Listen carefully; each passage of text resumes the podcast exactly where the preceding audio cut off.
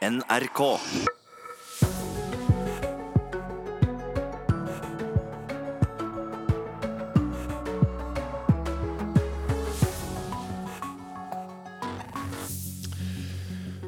God morgen. Det må være lov å ønske folk en god morgen, selv på en dag som dette når vi skal stirre inn i brannruinen av et av verdens viktigste kulturminner. I natt har altså brannmannskaper kontrollert etterarbeidet med brannslokkingen, men det er selvfølgelig ugjennopprettelige skader som er skjedd med Notre-Dame i Paris. Ikke til å forundres over, så skal det handle mye om katedralen i denne sendingen, men ikke bare. Du skal også få møte den nye direktøren av Innovasjon Norge, og vi skal spørre ham om hvorfor bare 27 av norske gründerbedrifter er aktive fem år etter oppstart. Dessuten, i dag faller dommen mot Frode Berg, som du kunne høre i Dagsnytt. Og det er altså han som er tiltalt for spionasje i Russland. Vi gir deg siste stemningsrapport før dommeren skal si sitt. Nyhetsmorgen får du i dag med Birger Kolsrud Aasund, og vi snakker først om fransk brannmannskap som nå sier at de har reddet hovedkonstruksjonen og de to tårnene til Notre-Dame i Paris. Påtalemakten i Paris utelukker eh, både brannstiftelse og terror som brannårsak, og sier de ikke tror brannen ble påsatt. Frankrikes president Emmanuel Macron lover nå å bygge kirken opp igjen. Le pire a été évité, même si Vi har unngått det verste, selv om ikke kampen er vunnet. Det sa Frankrikes president Emmanuel Macron i går kveld. Over 400 brannmenn har kjempet mot flammene siden brannen brøt ut i den verdenskjente katedralen rett før klokken 19 mandag. I morgentimene melder brannmannskapet at brannen er under kontroll.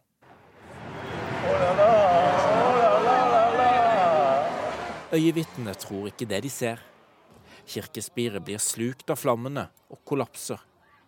Den øvre delen av spiret falt rett før klokken 20, og ved 21-tiden meldte nyhetsbyrået Reuters at brannen hadde spredd seg til et av katedralens ikoniske tårn. Det pågikk et stort restaureringsarbeid på katedralens tak da brannen brøt ut. Rettsmyndighetene sier de ikke tror det står noe kriminelt bak brannen. En brannmann ble alvorlig skadet i redningsaksjonen. Alors je vous le dis très solennellement ce soir. Cette cathédrale, nous la rebâtirons. Macron lovte i går at katedralen skal gjenoppbygges. Fordi det er det franskmenn vil forvente, og det er det historien vår fortjener, sa Macron. Han sa samtidig at Frankrike vil be om internasjonal hjelp i gjenoppbyggingsarbeidet. Det var Lars Hægeland som eh, orienterte her. Viktige kulturskatter som eh, Jesu tornekrone og de hellige sakramentene skal være reddet ut fra Notre-Dame. Det opplyser en av prestene som har arbeidet ved katedralen de siste to årene. Men det er fortsatt usikkert eh, hvordan det står til med de andre kunstverkene i kirken, og vi har ikke fått noen bekreftede meldinger om noen ting egentlig foreløpig. Notre-Dame er dog et av de viktigste kulturminnene i verden, og det slo en sjokkert fagdirektør hos Riksantikvaren Jørn Holmene fast da nyhetene nådde ham i går kveld. Nei, dette er jo en av de sentrale kirker i kristenheten. Og er jo fra 1100-1200-tallet og er enormt godt bevart, eller var det. Og er jo en representant for eh, den gotiske kirke, og en av de ypperste representanter vi har. Den kan jo nesten sammenlignes med Peterskirken. 400 brannfolk har vært i sving i hele natt for å redde selve bygningen og alle kunstskattene den har rommet.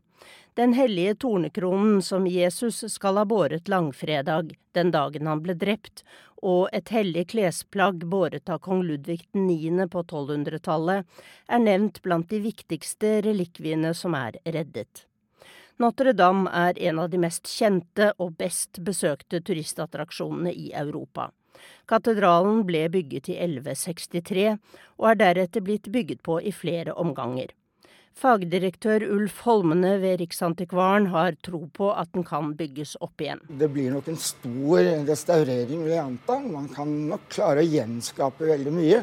Men det materielle er jo borte, så det blir jo veldig mye sannsynligvis kopier og gjenskaping. Mm. Men allikevel så er jeg sikker på at den franske stat vil gjøre alt for å gjøre den så lik og så nær den har vært, også for fremtiden. Men det blir en kjempejobb. Og da Frankrikes president Emmanuel Macron talte til folket ved 23.40-tiden mandag kveld, sa han helt tydelig at oppbyggingen av katedralen vil være et fellesprosjekt i årene som kommer. Ja, jeg sa Jørn Holmene her innledningsvis. Det er selvfølgelig Ulf Holmene. Sjefen hans heter derimot Jørn Holme, men det er noe helt Eller het Eh, den tidligere riksantikvaren Jørn Holm. Men eh, det er noe sånt. Det var altså Ulf Holmene du hørte i denne saken, og det var Tone Staude som hadde eh, sydd den sammen nå på morgenkvisten. Vi har fått besøk i studio av Mona Palle Bjerke, kunst- og arkitekturkritiker her i NRK. Velkommen, Mona. Takk. Et, et litt bredt spørsmål først. Hva slags bygning er det vi nå har mistet?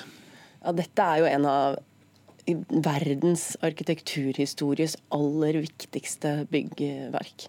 Det er virkelig et helt uvurderlig stykke kulturarv som nå eh, langt på vei har gått eh, tapt. Hvorfor er det uvurderlig? Hva er det ved dette bygget som eh, gjør det uvurderlig? Du vet, En katedral bygges gjennom århundrene og har på en måte lag på lag av historie. Det bærer med seg skal jeg si, århundrer med sorger, bønner om tilgivelse. Eh, man kan tenke seg liksom eh, lykken ved bryllup som har vært inngått, eller barnedåper. Det er så utrolig mye historie av inderlighet og tro. Eh, også veggen er på en måte ladet med fortellinger. I tillegg så er jo selve byggverket også ladet med kunst. Altså dette er jo enorme kunstskatter, disse gotiske katedralene. og De var jo også byggetekniske mirakler, da man plutselig kom frem til at man da kunne gå over fra den enkle eh, på en måte byggeteknikk og bygge, legge stein på stein, til det å frigjøre veggen fra den bærende funksjonen og åpne rommet og skape et rom som på en måte var konstituert av lys. Det sakrale rommet skapt av lys, hvor man hadde bærende, den bærestrukturen på utsiden av kirkekroppen med disse eh, strebebuene. Mm, og da hadde man jo i århundrer bygget, eh, prøvd å bygge høye hvelvinger som jo da kollapset eh, i, gang etter gang etter gang etter gang, inntil man fant denne teknologien. Denne måten å spisse på, som jo, jo gjorde det lettere og gjorde um, strukturen mer bærekraftig. Men det er klart at en bygning som dette er jo skjør med en gang noe av det bærende systemet eh, på en måte blir eh, svekket, sånn som f.eks. i en brann. Så står jo hele dette på enorme mirakler av et byggverk i, fare for å falle sammen. Men det som er viktig i et bygg som dette, og kanskje særlig i Notre-Dame, er jo også kunsten. Mm. og hvis vi nå først nå, vet vi jo ikke helt hva som er reddet og ikke. Det sies at alt skal være reddet, men det er selvfølgelig helt ubekreftede meldinger så eh, tidlig i fasen. Men hva slags kunst var det i denne katedralen? Det er jo så mye at liksom, hvor skal man begynne? Altså, hele, liksom, det er jo et, med, med glassmaleriene. Det er jo liksom, glassmalerier fra 1200-tallet. og det er jo, Dette var jo det nye, dette, det nye uttrykket eh, i, på, på, slutten av 1100-tallet som begynner å utvikle seg fordi man ikke lenger har plass til fresker og mosaikker. Så begynner man å skape disse fantastiske bildene i glødende fargetoner i glass. Og veldig mange katedraler i verden har jo gjenskapte glassmalerier, så det er jo helt fantastisk, eller var helt fantastisk at vi hadde disse disse 1200-talls virkelig middelalderske glassmalerier. Betyr det at det ikke er så mange av dem igjen her i verden? Ja, Vi har noen rundt om i de gotiske katedralene, men det er, det er, det er ikke noe sånn som vi har veldig veldig mye av. F.eks. i Nidarosdomen så er jo glassmaleriet laget på rundt 1900. Mm. Det, er jo, det er ikke så uvanlig. Andre ting da? Nei, Det er jo treskulpturer som skildrer Jesu liv i koret. som Koret er også eldste, en av de eldste delene av Notre-Dame-katedralen. Eh, og Det er jo treskulpturer, ikke sant? så der er vi jo veldig redd selvfølgelig for at disse har uh, gått tapt. Og så er det steinskulptur. Fantastisk steinskulptur. og Mange tenker jo at stein ikke kan brenne, men det er jo sånn at uh, først er det selvfølgelig fatter det i treverket som finnes i bærestrukturen i bakenfor steinen, men så blir det varmt nok, og da brenner jo steinen også og smelter. og ødelegges. Mm. Sånn at uh, Det er veldig veldig fortvilende dette her, og vi er jo redd for at tingene har gått tapt. Men det er jo veldig fantastisk å høre at de har reddet ut ja, for Hvis det kunst. er sant, hva, hva, bidrar det med når, når en gang kirken skal bygges opp igjen? Ja, Det er jo helt fantastisk, fordi hvis man skal bygge opp igjen, og det er jo et kjempevanskelig spørsmål dette med rekonstruksjon. ikke sant? Vi kan ikke bøte på det vi har mistet, uansett om vi heldigvis vet akkurat hvordan kirken så ut, og på en måte, så vil det aldri bli det samme. Men da at man har en god del kunstobjekter som på en måte kan bære noe av kirkens historie. Som kan favne noe av den, det havet av tid som denne kirken hadde i seg, og som den aldri vil kunne få igjen med skal jeg si, et rekonstruert uh, hvelv osv. Det, det er jo en veldig, veldig stor trøst. Ok, Mona Pallebjerke, takk for at du kom og orienterte om innholdet i kirken. Vi skal nå til førsteamanuensis Øystein Ekroll, som er spesialist på bygningsarkeologi og jobber bl.a. mye i Nidarosdomen. Velkommen til Nyhetsmorgen, Ekroll. Takk. Eh, slik vi ser det nå, nå, er det, de, nå er det jo gått eh, en natt, og så har det kommet noen bilder på morgenkvisten igjen. Eh, hvor store skader tror du Notre-Dame har lidd, slik du vurderer det? Det er vel ingen totalskade, men vi ser jo at det taket har brent. Det var jo det originale fra ca. 1200. Og det farligste det er jo at det vi ser at Eh, har, eh, når takverket styrta sammen, og dette spiret var snakk om, så har det slått hull i eh, steinhvelvingene, slik at brannen kom ned i kirkerommet. Og dermed har flammene nådd tak i interiøret, og det er jo det som nå har brent, så vidt vi forstår det. Mm. Det, det, er jo kanskje lett å tenke seg at stein ikke brenner, men hvilke skader får en kirke i stein som er utsatt for så ekstrem varme som Notre-Dame ble i går? Ja, Det er jo litt avhengig av eh, hva slags type stein den er bygd av. og Her er det jo kalkstein, og den tåler jo sterk varme veldig dårlig den, den smuldrer jo opp. Mm. Og når man i tillegg pøser på kaldt vann for å skulle slukke, så, så fører det jo til en, en spenning mellom varme og, og, kulde som gjør at steinen sprekker ytterligere. Så det blir veldig viktig å få klarlagt hvor store fysiske skader er det på murverket. Om det er fare for at deler av søyler og pilarer faktisk kan styrte sammen, eller om man må støtte det opp nå i første omgang. Ja, hva tror du vi kan vente eh, i beste fall, da? Ja, Det vi ser ut til å stå igjen med, det er jo et utbrent murskall. Altså en konstruksjon som ser ut til å stå, men den har tapt alt av eh, brennbart materiale, både ute og inne. Slik at man må nærmest begynne fra starten av med å sikre murverket, legge midlertidig tak for å hindre ut, utvikling av skader på murverket, og så møysommelig prøve å lappe sammen det som står igjen. Apropos møysommelig. altså Vår Frue kirke i Dresden i Tyskland ble jo bombet sønder og sammen av britene på tampen av andre verdenskrig.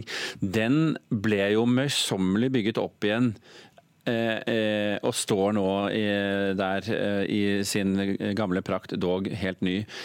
Er du optimistisk på vegne av eh, Notre-Dame og gjenoppbygging? Ja, absolutt. Eh, men det spørs jo hva for en Notre-Dame vil vi få framover? Vil man da gjøre som man gjorde på 1800-tallet, altså fjerne alle spor av skader?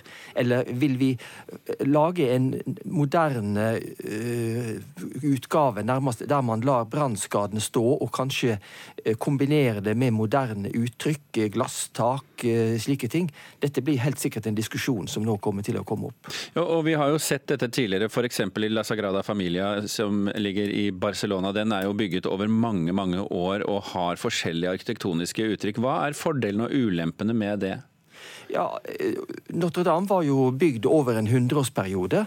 Og den eh, første delen som er bygd, er jo på mange måter svært forskjellig fra den man avslutta med ca. 100 år seinere. Så eh, den har jo avspeila sin tid og utviklinga i samtidsarkitekturen. Og det vil jo være rimelig at det den framtidige Notre-Dame også vil gjøre. Mm. Du jobber jo daglig i Nidarosdomen med, med restaureringsarbeider og vedlikehold der. Kunne noe lignende som dette eh, som skjedde i Notre-Dame skje i Nidarosdomen? Ja, det har jo skjedd fem ganger opp gjennom historien. Første gangen i 1328 og siste gangen i 1708. Og da man restaurerte veldig kraftig på 1800-tallet, så ville man unngå dette. Dermed er nesten alle takverka stålkonstruksjoner som er kledd med, med kopperplater. Så det skal være veldig vanskelig. Vi har litt treverk, men vi har også et godt overrislingsanlegg som er, er dimensjonert for å skulle beskytte mot en brann. Så svaret ditt er nei, dette kan ikke skje i Nidarosdomen? Man skal ikke forsverge noe som helst, men eh, jeg vil tro at sjansen er minimal, og vi må naturligvis nå gå gjennom både rutiner og anlegg og mm. være sikre på at dette er en eventualitet som vi aldri kan oppleve her igjen. Vi har jo stavkirker i Norge. Ja, og disse har jo Riksantikvaren hatt et stort prosjekt med å nettopp brannsikre gjennom eh, overrislingsanlegg. Så eh, de må vi jo anta er nå sikra, men vi har jo en 150 steinkirker fra middelalderen som har de fleste har tretak, og der står det igjen et stort arbeid. Pluss alle kirkene fra 1600-, 1700-, 1800-tallet, som i alt hovedsak er rene trebygninger. Ok. Vi, setter strek vi der, Øystein Ekroll, og så ser vi hvordan det går med Notre-Dame utover dagen. Hva vi får se og hva vi får vite etter hvert som tiden går. Takk for at du var med oss nå i, i Nyhetsmorgen.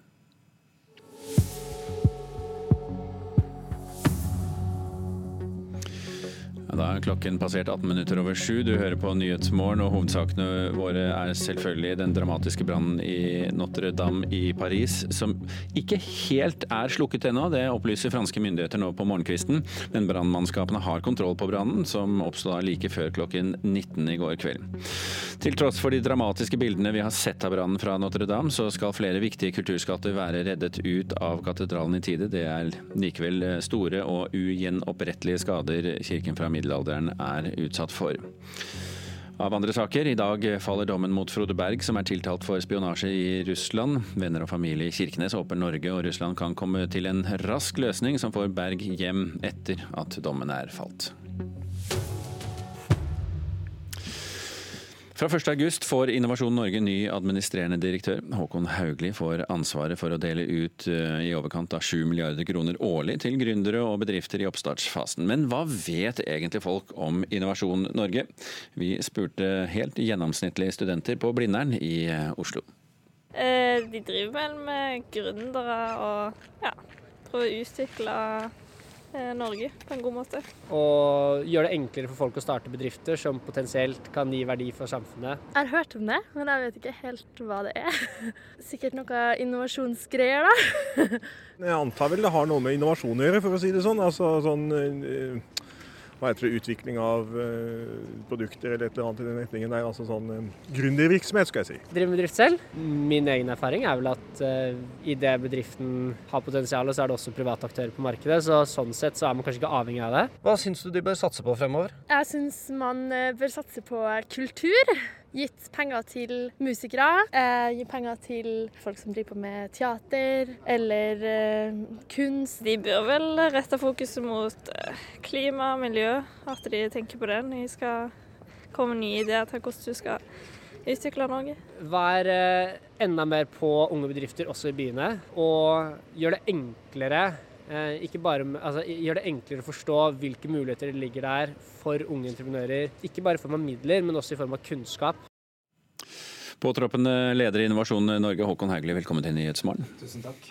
Eh, hvis eh, studenter på Blindern er gjennomsnittsnordmannen, eh, har du et, et, et informasjonsbehov, syns du, for hva Innovasjon Norge driver med, eller var dette ganske presist? Jeg syns de treffer veldig bra, jeg, både på utfordringen det er å få etablert nye bedrifter, få dem til å vokse, og ikke minst bærekraft, som de nevner.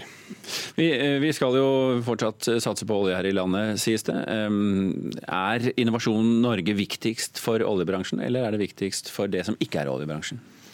Innovasjon Norge er viktig for det vi skal leve av eh, fremover i Norge. Vi skal leve av olje og gass en eh, god stund fremover, eh, men samtidig har vi behov for et mer mangfoldig næringsliv i hele landet, og det må være bærekraftig og grønt. Mm. Så svaret er litt begge deler. Jeg tar vel ikke helt feil hvis jeg sier at du skal dele ut, om ikke personlig, Innovasjon Norge skal dele ut i overkant av 7 milliarder kroner hvert år. Hva får landet igjen for de pengene? Eh, målet er å skape levedyktige bedrifter, verdiskapning i hele Norge. Og det lykkes Innovasjon Norge godt med. For hver statlig krone som, eh, og fylkeskommunal som deles ut, så bruker næringslivet selv to kroner. Dvs. Si, eh, effekten er langt større enn det Innovasjon Norges direkte tildelinger gir. Og det gir nye arbeidsplasser, det gir nye eksportbedrifter, og det vil jo være grunnlaget for det vi både skal leve av fremover, men også grunnlaget for fremtidige skatteinntekter. Så dette er viktig for Norge, og jeg kan knapt tenke meg en viktigere oppgave akkurat nå enn nettopp dette. Men vi har jo et problem, da, og det er jo at bare 27% av norske gründerbedrifter er aktive fem år etter at de ble etablert.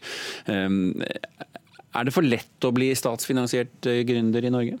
Ja, For det første er de jo da ikke statsfinansierte, det er viktig å ha med det. Men eh, tallene viser at de gründerne som får støtte fra Innovasjon Norge, har en vesentlig bedre overlevelsesrate enn det generelle tallet. Men det er noen eh, spesielle forhold i Norge. og Vi snakker, bruker jo dette begrepet økosystem, og det er kanskje særlig tre K-er som er relevant her. Tilgang på kompetanse, tilgang på kapital og ikke minst tilgang på kunder.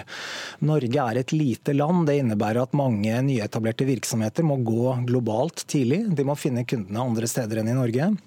Vi vet at tilgang på kapital, altså investorer, er en, er en, utfordring. Eh, og vi vet at for mange er også tilgang på relevant kompetanse krevende. Så det er sammensatte forklaringer på hvorfor det er slik. Men eh, en veldig viktig jobb for oss å, som nasjon er å bidra til at flere gründere overlever i et, har en lengre tidshorisont. Betyr det at et av dine mål som leder for Innovasjon Norge er å øke innsatsen for eh, bedriftene, ikke bare i startfasen, men øke den også i etablering og, og videre faser? Innovasjon Norge er én aktør innenfor dette. Det er også andre virkemidler. og Det å se disse virkemidlene i sammenheng, slik at det blir en, en kjede av, av, virkemidler som både kan mobilisere privat kapital og samtidig bidra til at bedrifter vokser, det tenker jeg er en hovedprioritering for hele virkemiddelapparatet. Men det synes meg, eh, for meg som om danskene og svenskene er mye flinkere til å industrialisere gode Eh, ideer, og at vi her i Norge ikke er så gode på det. Er det et inntrykk du også sitter med?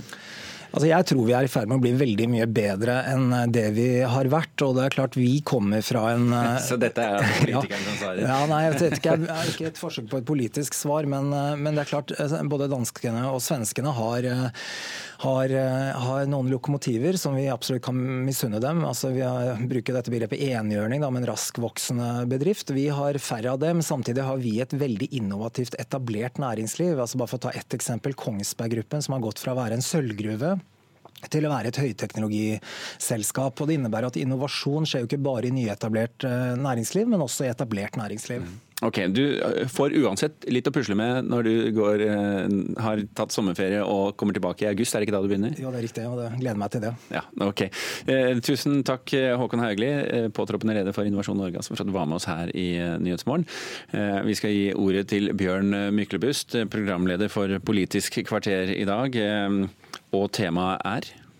Temaet er gettoer. Ser vi tegn til at det dannes gettoer også i Norge? I i Danmark så bruker de hard lut i kampen mot det de har definert som gettoer. Byområder med mange innvandrere, arbeidsledighet og kriminalitet. Og Frp mener at vi ser en gettofisering av Oslo også. Og så slår de tall fra SSB i bordet for å underbygge dette. G-ordet det brukes bare for å stigmatisere innvandrere, svarer SV. Mm. Da har du en debatt. Da har du en debatt, og Den debatten den kommer ganske nøyaktig kvart på åtte her i Nyhetsmorgen, altså med Bjørn Myklebust ved roret. Nå skal vi flytte oss til, eh, til Russland, for det er en eh, dom som faller der mot Frode Berg, som er altså anklaget for spionasje der. Nordmannen ble arrestert i Moskva i desember 2017. Russiske myndigheter mener han da hadde hemmelighetstemplede dokumenter om den russiske Nordflåten, og i tillegg 3000 euro i kontanter. Og korrespondent Jan Espen Kruse, nå har han altså sittet i fengsel i Russland siden han ble arrestert. Hvilken dom er det ventet at han kommer til å få? Ja, Aktor har jo krevd 14 år eh, for eh, Frode Berg. og eh, det blir jo interessant i dag da, å se hva som blir det endelige resultatet, hva dommerne kommer fram til. Den russiske eh, forsvareren til Frode Berg han sa til NRK i går kveld at det kommer nok ikke til å ligge så langt unna 14 år. Kanskje får han noe avslag, men det vil spille inn dette at han ikke har innrømmet noe skyld. Eh, vanlig praksis i russisk rett er at når eh, tiltalte for spionasje ikke innrømmer skyld, så eh, legger dommerne seg stort sett på den dommen som aktor krever. Nå, nå, er det jo eh, slik at han ikke har innrømmet skyld, men han har jo innrømmet at han hadde hemmelige dokumenter og kontanter på seg. Hva, hva betyr det egentlig? Ja, Det han vel i praksis har innrømmet, er at han har vært eh, kurer for norsk etterretning.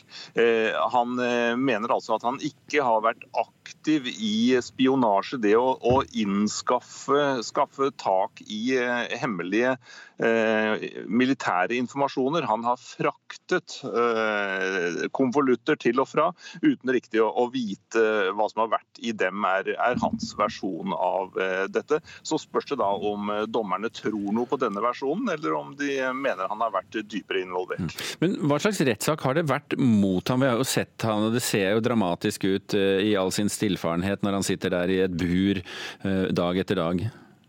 Ja, Det har jo eh, vært en rettssak som har gått unna i et forunderlig tempo. Det har jo gått så fort. I, på, eh, til å begynne med så trodde man kanskje at dette, denne rettssaken kom til å vare i mange uker. Eh, så, så, gikk det jo faktisk unna i realiteten bare på en eneste dag, med fire vitner. Så det er jo det litt forunderlige oppi dette her, hvordan eh, alt plutselig har, har skjedd fryktelig fort. Men det er jo slik at eh, Spørsmålet om benådning har jo kommet opp, og det har jo kommet helt inn til president Vladimir Putin, som naturlig nok har sagt at jeg kan jo ikke benåde en som ikke er dømt. Men i dag så kommer altså dommen. Hvor sannsynlig er det at han blir benådet og, og da kunne bli sendt hjem?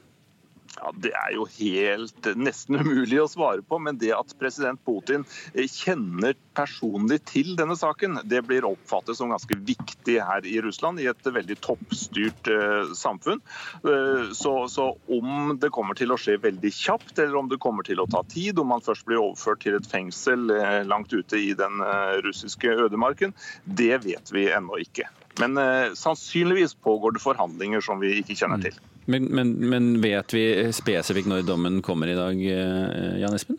Ja, det, det, altså, eh, Retten blir satt uh, om uh, ca. en uh, time. men hvor fort det, det, da skjer, det kan kanskje ta en halvtime, tre kvarter før dommen foreligger. Okay. Du får følge med for oss. takk for at du var med oss i denne runden, Jan Espen Kruse. Nyhetsmorgen stevner ufortrødent videre. Klokken er snart halv åtte, og det blir som vanlig nyheter i dag ved Anders Borgen Werring.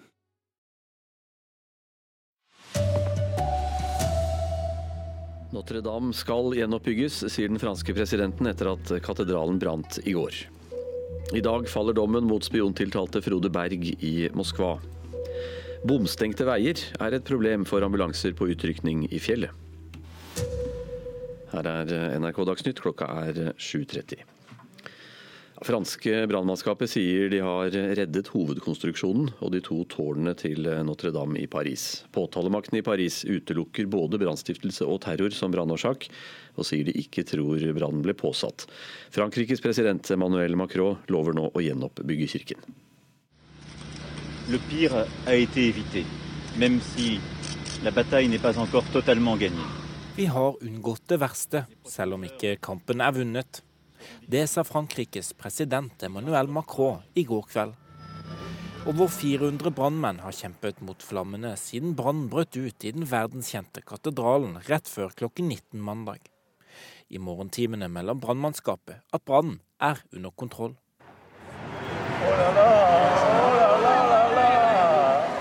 Øyevitnene tror ikke det de ser. Kirkespiret blir slukt av flammene og kollapser. Den øvre delen av spiret falt rett før klokken 20, og ved 21-tiden meldte nyhetsbyrået Reuters at brannen hadde spredd seg til et av katedralens ikoniske tårn. Det pågikk et stort restaureringsarbeid på katedralens tak da brannen brøt ut. Rettsmyndighetene sier de ikke tror det står noe kriminelt bak brannen. En brannmann ble alvorlig skadet i redningsaksjonen. Alors je vous le dis très solennellement ce soir. Cette cathédrale, nous. Macron lovte i går at katedralen skal gjenoppbygges. Fordi det er det franskmenn vil forvente, og det er det historien vår fortjener, sa Macron. Han sa samtidig at Frankrike vil be om internasjonal hjelp i gjenoppbyggingsarbeidet.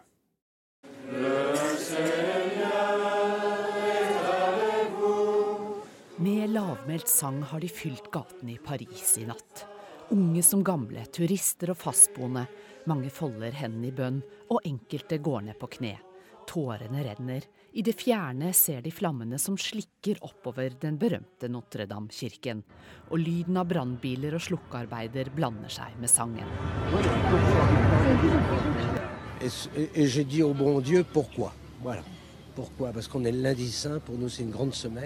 Jeg spør Gud hvorfor, hvorfor, sier hovedpresten i Notre-Dame, Patrick Chevaux. Presidenten lover at Notre-Dame skal gjenoppbygges, og takker brannmannskapet for at kirkebyggets to ikoniske tårn og fasade ble reddet fra flammenes rov. Borgermesteren i Paris har fått telefoner fra hele verden. Et puis, euh, nous avons des, des, appels du monde entier, mais du monde entier, euh, drame pour le monde entier, je, je le redis, mais Brannen er nå under kontroll, og i dag skal brannmenn etterslukke samt kjøle ned konstruksjonen og sikre katedralen. Reportere her Lars Hægeland og Anja Strøen. Kunst- og arkitekturkritiker her i NRK, Mona Palle Bjerke. Hva er det som har gått tapt nå? Ja, Dette er jo en av verdens aller viktigste byggverk. Dette er et helt uvurderlig stykke kulturarv som nå langt på vei har eh, gått tapt. Også fylt med kunstskatter, som det kan virke som at mange av dem i hvert fall er eh, reddet ut. Det får vi virkelig håpe er tilfellet. Notre-Dame det er en gotisk eh, katedral. Hva er det som kjennetegner gotikken? Altså Overgangen fra det romanske det rundbuede til det spissbuede gotikken det er jo en av de virkelig store byggetekniske revolusjoner i arkitekturens historie. Hvor man da på en måte avlastet veggen for den bærende funksjon, og hadde, har disse strebebuene på utsiden av kirkekroppen, hvor hele bæresystemet på en måte plasseres utenfor bygget. Og dermed kunne man åpne veggen for å lage vinduer, glassmalerier, og la egentlig hele det sakrale rommet konstitueres av lys. Så dette er jo nesten som byggetekniske mirakler, disse katedralene. Og derfor er de jo også sårbare i en situasjon som f.eks. en brann, fordi at det bærende Det er så dristige byggverk at bare hvis noe forrykkes i bæresystemet, så står jo hele byggverket i fare for å kollapse. Og det må jeg si, det var det jeg trodde i går kveld, at eh, man skulle våkne opp til at det byggverket lå fullstendig i grus. Og det er jo tross alt en glede i, på en sorgens dag at såpass mye likevel ble reddet. Og Så hører vi franske presidenten si at eh, Notre-Dame skal gjenoppbygges. Hvor viktig er det? Altså, det er et veldig vanskelig spørsmål eh, altså, man, som man har hatt veldig forskjellig holdning til gjennom tidene. Altså, da vi, vi valgte jo å bygge opp igjen Nidarosdomen og på en måte dikte oss frem til hvordan en slik katedral kanskje så ut i Norge, basert da på en stor ruin. Eh, men det er allikevel et altså, rekonstruert byggverk. Eh, mens vi på eh, Hamar, eh, med, på Domkirkeodden, så har vi gjort det helt annerledes. Latt ruinen stå der, skape en stor glasskatedral på en måte rundt, en modernistisk glasskatedral. Og Det er nok vanlig og forsøke å være hva skal jeg si, litt sånn hederlig i, når man gjenskaper noe, for å vise hva er gammelt og hva er nytt. Men det er klart at et, en katedral er uansett eh, bygget opp gjennom århundrene. Spiret som falt ned mot Paris som en fakkel i går, den, det var jo gjenskapt på 1800-tallet. Eh, men det er klart at når vi, da, vi da, når vi da skal bygge den opp igjen, eh, så må man jo tydeliggjøre også hva som er nytt og hva som er gammelt. Og det er på en måte vi kan aldri bøte på de skadene som har vært gjort. Det vil aldri bli det samme uansett. Takk skal du ha, kunst- og arkitekturkritiker her i NRK, Mona Palle Bjerke. Det var alt om eh, Notre-Dame-brannen i denne omgang. Nå skal vi til eh, Russland, for om eh, en time så faller dommen mot Frode Berg, som er anklaget for spionasje i Russland. Nordmannen ble arrestert i Moskva i desember 2017. Russiske myndigheter mener han da hadde hemmeligstemplede dokumenter med seg og 3000 euro i kontanter. Og Korrespondent Jan Espen Kruse, hvilken dom er det ventet at han kommer til å få? Ja, Aktor har jo bedt om 14 eh, års fengsel for eh, Frode Berg, og sannsynligvis så kommer dommen til å ligge noe rundt der. Kanskje får han eh, litt avslag, men siden han ikke har innrømmet skyld, så pleier dommene her i Russland da til å ligge omtrent rundt det Aktor krever. Og Så ble han altså tatt med hemmelige dokumenter og kontanter. Det har han innrømmet selv, og hva betyr det? Ja, Det betyr jo noe. Det spørs om eh, dommerne tror på hans versjon om at han bare har vært en kurer, eh, eller om de tror på eh, det som sannsynligvis er aktors påstand, at han har vært mer eller dypere involvert i spionasjesaken enn det han vil innrømme. Så, så mye avhenger av hva dommerne tror på her. Og Så blir han jo da dømt i dag, men hvor sannsynlig er det at han kan bli benådet og få komme hjem til Norge etter hvert? Ja, Det pågår sannsynligvis hemmelige forhandlinger rundt Frode Berg-saken. Da vi spurte president Putin forrige uke om dette med muligheten for benådning, så sa han at dommen måtte foreligge. sånn at Presidenten i Russland er klar over situasjonen og saken, og det har sannsynligvis en viss betydning hva, hva presidenten er opptatt av. Takk skal du ha, korrespondent i Moskva, Jan Espen Kruse, som altså følger med på dommen mot Frode Berg. Retten blir altså satt klokka 8.30 norsk tid. Mange private fjellveier er stengt med låste bommer, og det kan føre til problemer dersom noen blir syke eller trenger øyeblikkelig hjelp. Det verste som kan skje, er jo at liv kan gå tapt pga. at vi kommer for seint. Marius Grønvold i Landet ambulanse har arbeidet på sykebil i over 25 år, og har flere ganger opplevd å bli stående bom fast ved en bom i fjellet. Det skumleste er jo vært borte er ved dårlige hjertepasienter og hjertestans, hvor vi har blitt forsinka. For det blir bygd stadig flere hytter i fjellheimen, og mange private fjellveier blir stengt med bom for å holde uvedkommende unna. Mange steder har ambulansen egne kodeord eller nøkler for å få åpna bommen, men det gjelder langt fra alle. Ta det greie på hvem du er, er rådet fra den rutinerte ambulansearbeideren i Nordre Land. Ja, nå går vi inn i sesong som sagt med mye hytteturisme, og mange leier hytter. Som de kanskje ikke har vært på før. Er et råd er at de som leier hytta, gjør seg kjent med hvor de er. Adresser som kan oppgi adresse, og gjerne kartreferanse.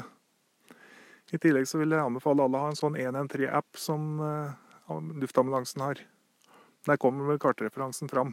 Så løsningen blir at folk blir veldig flinke med å gjøre seg kjent med hvor de er på hytta, og kjent med bomveier, at de opplyser om det på AMK-sentralen. Ved ett tilfelle har han sjøl vært med og tapt ti dyrebare minutter pga. bomtrøbbel og usikkerhet rundt adresse på hytta ved en hjertestans. Det har korkje ambulansepersonell holder pasienter tid til. For hvert, hvert minutt som går ved hjertestans, så minker overlevelsessjansen med 10 hvis en ikke får behandling. Reportere Sindre Auståker Johansen og Reidar Kjæstad. Tolletatens app som fortoller alkohol og tobakk setter nye rekorder. I hele fjor ble appen brukt over 26 000 ganger til å betale tobakk og alkohol som overskrider kvoten. Applikasjonen ble lansert i 2016 og regner ut prisen på det som skal fortolles. Arild Svalbjørg har ansvaret for NRK Dagsnytt i dag. Jeg heter Anders Borgen Werring.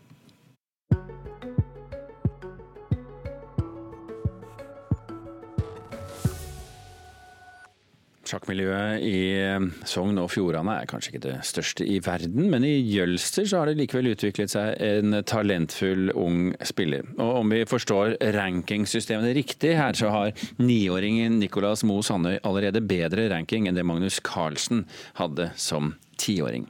Og nå får Nicolas undervisning fra Bergen over Skype.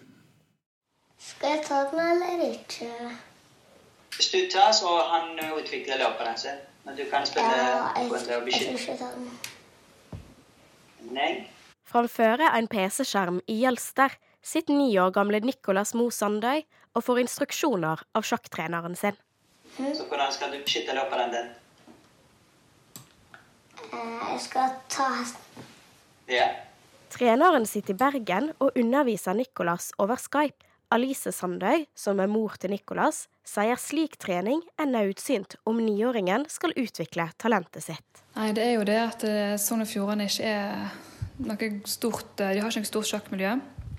Og vil, altså, skal Nicolas på en måte bli bedre og få, eh, få skikkelig motstand, da, så uh, trenger han egentlig en lærer som uh, kan gi han den motstanden. Og, for altså, det er knallhardt å komme på turnering i Bergen når du ikke har spilt så mye sjakk med bedre spillere her, eh, her i Sogn og Fjordane. da. Du skal få gullkort fordi du er veldig stille. Hæ? Det er dødelig. Hvorfor liker du å spille sjakk?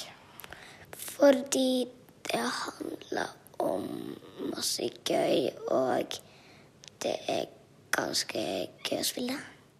Nicolas har spilt sjakk i to år, og nylig fått en egen ranking. Foreldra tar han gjerne med rundt omkring på turneringer, og det var slik han møtte treneren sin. Han traff han, eh, han sjakktreneren på, en, eh, på et, en turnering i Bergen, på Sotra. Da sto han lenge ved bordet til Nicolas og, eh, og så at Nicolas fikk både én og to dronninger ekstra. Og så kom han bort til, eh, bort til meg etterpå og sa at han syntes Nicolas spilte veldig interessant, og at han eh, drev et sjakkakademi i Bergen som trente barn via Skype. da. Så da tenkte vi at det kunne vi jo prøve. Hvorfor går det ikke? Å, jeg er i sjakk. Du er i sjakk, du må spille opp og springe den til du, det passer på begge. Foreldra til Nicolas har nå starta en sjakklubb i Jølster for andre barn og unge som liker sjakk i Sunnfjord. Og mor hans håper at sjakk vil fenge videre for Nicolas. Jeg håper at han eh, har interessen eh, fremover mot eh, ungdomstiden, og eh, at det er noe som på en måte kan eh, være med han på en måte for eh, taktisk tenking senere i livet. og dette med å finne løsninger sjøl og med noe stort mål, det har vi vel Det viktigste er at han liker det. Sjakkførerbildet til Nicolas er selvsagt Magnus Carlsen. Men sjøl legger niåringen lista litt lavere enn å oppnå verdensmesterstatus. Å bli norgesmester. Ikke verdensmester? Nei, jeg kan ikke ta et så høyt mål. Du liker å ha det litt realistisk? Ja, for mange ganger da jeg har vært på turnering, så har jeg liksom eh, vært på første bordet, og så eh, har jeg mål da om å komme på førsteplass.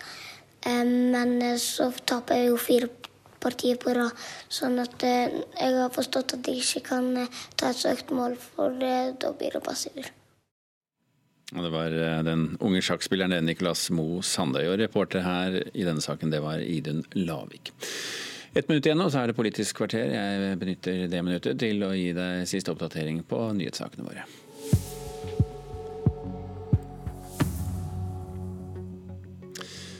Hovedsakene denne morgenen er selvfølgelig etterspillet etter den dramatiske brannen i Notre-Dame i Paris. Eh, ikke helt slukket ennå, opplyser eh, franske myndigheter på morgenen nå. Men brannmannskapene har kontroll på brannen, som oppsto like før klokken 19 i går kveld. Og til tross for de dramatiske bildene vi har sett av brannen fra Notre-Dame, så skal flere viktige kulturskatter være reddet ut av katedralen i tide. Det er likevel store ugjennopprettelige skader kirken fra middelalderen er utsatt for. Ja, klokken er straks kvart på åtte. Det betyr som vanlig Politisk kvarter her i Nyhetsmorgen. Bjørn Myklebust sitter klar med sine gjester.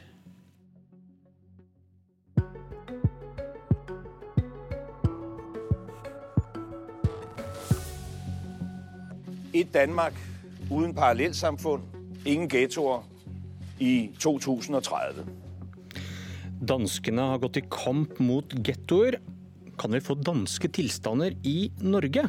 Vi ser allerede en gettofisering av Oslo, sier Fremskrittspartiet. Det finnes ikke gettoer i Norge. Fremskrittspartiet bruker bare begrepet for å stigmatisere innvandrere, svarer SV. Velkommen til Politisk kvarter. I Danmark har de definert 15 områder som det de kaller harde gettoer.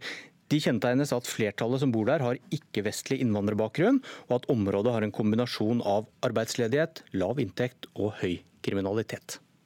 Jeg har fått å vite hele mitt liv hvordan det er å være fra en ghetto. Selv om jeg overhodet ikke har den opplevelse av stedet som gettolisten egentlig får det til å lyde som om det er.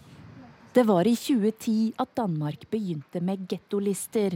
Målsetningen er å vise også med de ord man bruker, at her har vi et område der er ramt av problemer. Det er ikke et normalt område som har normale problemer. Det er et helt særlig område som har noen helt særlige og særlig store problemer. Velkommen til pressemøtet. Flankert av åtte ministre la statsministeren i fjor frem lovforslaget. Et Danmark uten parallellsamfunn, ingen gettoer i 2030. FN advarte mot danskenes drastiske virkemidler, men før jul ble loven vedtatt. Spredt over hele Danmark ligger 15 såkalt harde gettoer, hvor de nå er pålagt å få ned antall familieboliger til 40% for å endre beboersammensetning. Og dette var fra en reportasje i Søndagsrevyen. Og i Dagbladet i går sier dere at vi også ser en guttifisering av Oslo. Jon Engen Helgheim, innvandringspolitisk talsmann i Fremskrittspartiet. Dere viser til nye tall fra SSB, og hva viser de? De tallene som vi ser nå, viser eh, helt tydelig at det er en eh, enorm segregeringsprosess i Oslo, hvor eh, etnisk norske flytter ut av bydeler med høy innvandrerbakgrunn. Og innvandrere flytter inn i et enda høyere tempo. Og det er en utvikling som de aller, aller fleste nå sier at de ikke liker. Men vi har jo advart mot dette her i veldig, veldig mange år. Eh, og dette er eh, irreversible endringer av samfunnet, av byene, eh, som vi ikke aner egentlig konsekvensene og rekkevidden av. Og jeg synes det er rart at folk ikke våkner, at de, flertallet av de politiske partiene ikke våkner og tar dette her ordentlig på alvor. Hva er problemet med at folk med innvandrerbakgrunn bor på samme sted? Vi ser det at uh, f.eks. Uh, fattigdomsproblemer, arbeidsledighet, Eh, og nå i økende grad eh, ungdomskriminalitet eh, og en rekke andre problemer oppstår fra og i disse bydelene med veldig høy innvandrerbakgrunn. Det er en grunn til at etnisk norske velger å flytte ut fra disse byene. Det er svært uheldig, og ikke minst for da integreringsprosessen Eh, at det flytter så store antall og så eh, konsentrerte oppsamlinger av eh, innvandrere i enkelte bydeler, sånn som vi ser i dag. Som du nevnte i stad, dette har Frp ropt høyt om i mange år. Voksende problemer med integrering og kriminalitet i Oslo. Byen som har den klart største innvandrerbefolkningen i Norge. Og da er det jo i Oslo folk flest skulle kjenne disse problemene på kroppen. Hvorfor stemmer så få på Frp i Oslo da?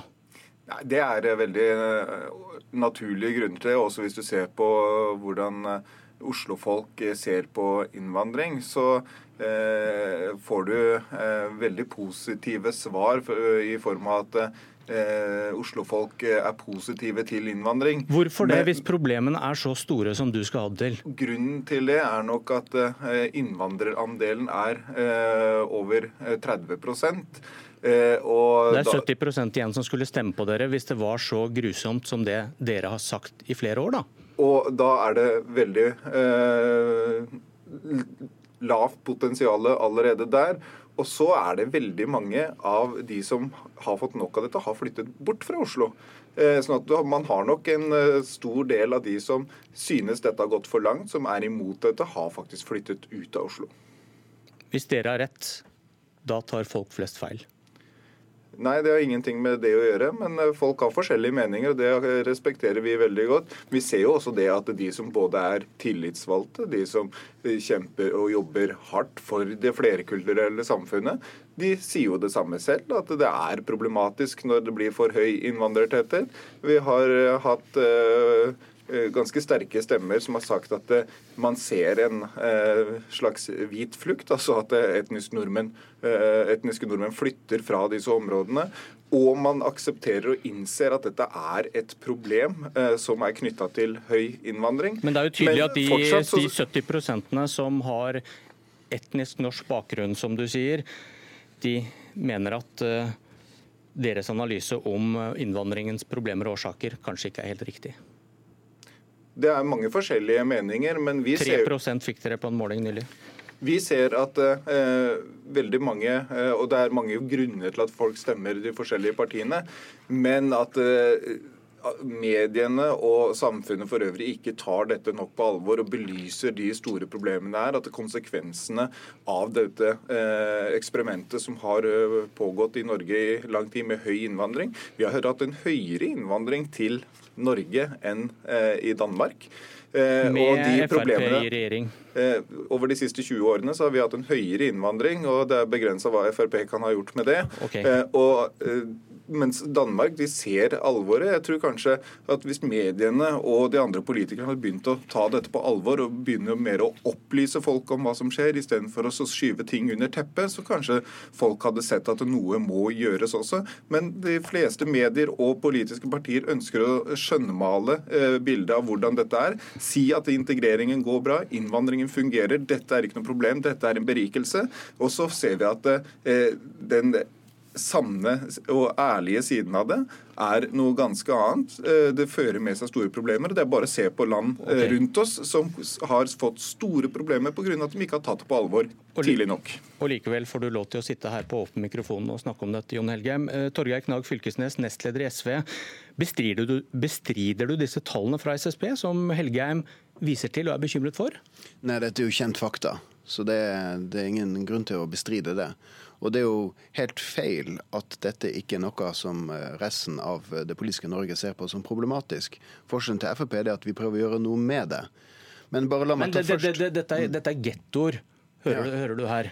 Det er Altså det er, det er, litt av et påfunn. Altså, ghetto, Definisjonen på getto er at det er én minoritetsgruppe som eh, er sosialt ekskludert og eh, undertrykt. Én minoritetsgruppe.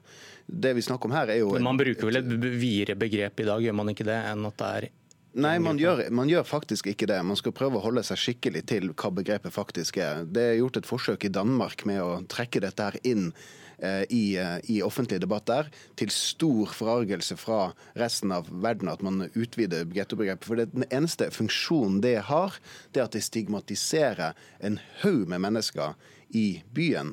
og det, hvor, det, det måtte snakke ned befolkninga på. Hvor, hvorfor skulle Frp og Helgheim være interessert i å stigmatisere en stor del av byen. Det er klart at dette her er bensin for Frp. De ønsker en konflikt. De ønsker ikke å gjøre noe med problemet, for de ønsker å ha et problem. Når vi foreslår på Stortinget 20 tiltak som faktisk går direkte inn på disse problemstillingene her, som tar tak i kriminalitetsutviklinga i eh, Groruddalen og i, i, Oslo sør, som eh, går løs på unges mulighet til å etablere seg eh, med bolig, fritidstilbud eh, osv., så, videre, så, så stemmer Frp dette konsekvent ned.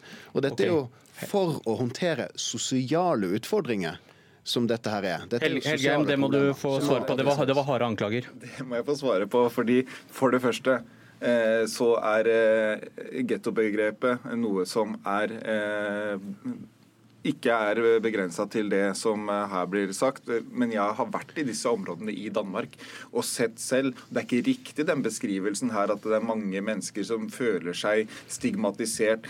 De takka for de tiltakene som danske myndigheter har satt i gang, fordi de var prega av høy kriminalitet, det var vanskelig å bo der, det var høy arbeidsledighet. Så har det blitt satt i gang tiltak. Og selv om ja, de har vært omdiskuterte tiltak, men de vi snakka med i disse bydelene som har opplevd det, de sa at dette fungerte. Så derfor må vi slutte å høre på sånne som Fylkesnes fra eh, SV, for de ønsker i hvert fall ikke eh, å, å gjøre noe som helst med problemene. De ønsker ønsker bare å skjønnmale. Og når de har fremma disse forslagene, så var det ikke bare Frp som stemte med, det et stort stort flertall stemte dette ned. og Hovedårsaken til det var jo at det aller meste allerede er gjennomført av regjeringen. Så Vi har en tiltakspakke som vi har fremma eh, mange ganger med hvordan vi kan gjøre noe med disse problemene. og Frp jobber nå hardt med en ny rapport for å eh, nettopp se på integreringen. For det vi må innse, det er at det vi har gjort så langt, det har ikke fungert. Vi må begynne å se på andre løsninger løsninger. Og der tror jeg Frp eh, sine løsninger, hvor man sitter, setter mer krav til innvandrere, og ikke bare skal tilpasse med nye støtteordninger og nye eh, tilpasninger hele tiden, sånn som egentlig har vært den norske modellen det må vi eh, endre på, rett og slett. Kort idé, Fylkesnes. Man må kunne ta, ta tak i problemer uten å stigmatisere. Det er jo kjernen her. Og så er forskjellen på, på, vår, på vår politikk og deres politikk Kan jeg få, kan jeg få snakke ferdig? Vi må ta en av gangen, dere. Fylkesnes nå. Ja, ved, å, ved å stemple en hel, en hel, bydel eh, og store deler av Oslo som, eh, som getto, så har man faktisk stigmatisert de. Men problemet her er jo at du kan ikke stille krav og samtidig ta fra de muligheter. Poenget her er jo at du må gå tungt til verks for å ta tak i disse sosiale utfordringen. Og Det er jo det nettopp våre forslag eh, er et eh, uttrykk for, og som går direkte inn på problemstillingen som man her snakker om. Det handler om bolig, fritidstilbud, arbeid osv. osv. Hvis ikke man er villig til å ta tak i det, ja, da er man i en sånn situasjon der man faktisk, det kan fremstå som at man ønsker å ha denne type konflikter. Det er, det er en kjent debatt dette. Du Fylkesnes, hevder at Frp ikke har en politikk for jevnet forskjeller eller for god integrering, men Frp mener at SV har en naiv innvandringspolitikk som bidrar til de problemene vi nå diskuterer. Og En faktasjekk som ingen har protestert på, har slått fast at innvandring av fattige familier er hovedårsaken til økende barnefattigdom i Norge. Som er et problem særlig i Oslo, som har mange med innvandringsbakgrunn. Og SV vil jo da hente flere fattige flyktninger til Norge enn regjeringen. 5000 kvoteflyktninger.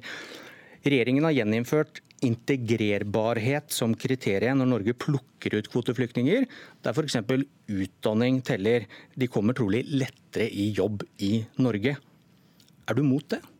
Altså, vårt utgangspunkt i, i, i, flyktningpolitikken er jo at vi er prinsipielle. Hvis folk er i nød, så er Norge forplikta, både moralsk, historisk og i internasjonale konvensjoner, til å ta imot folk som er på flukt. Og vi er også i stand til det.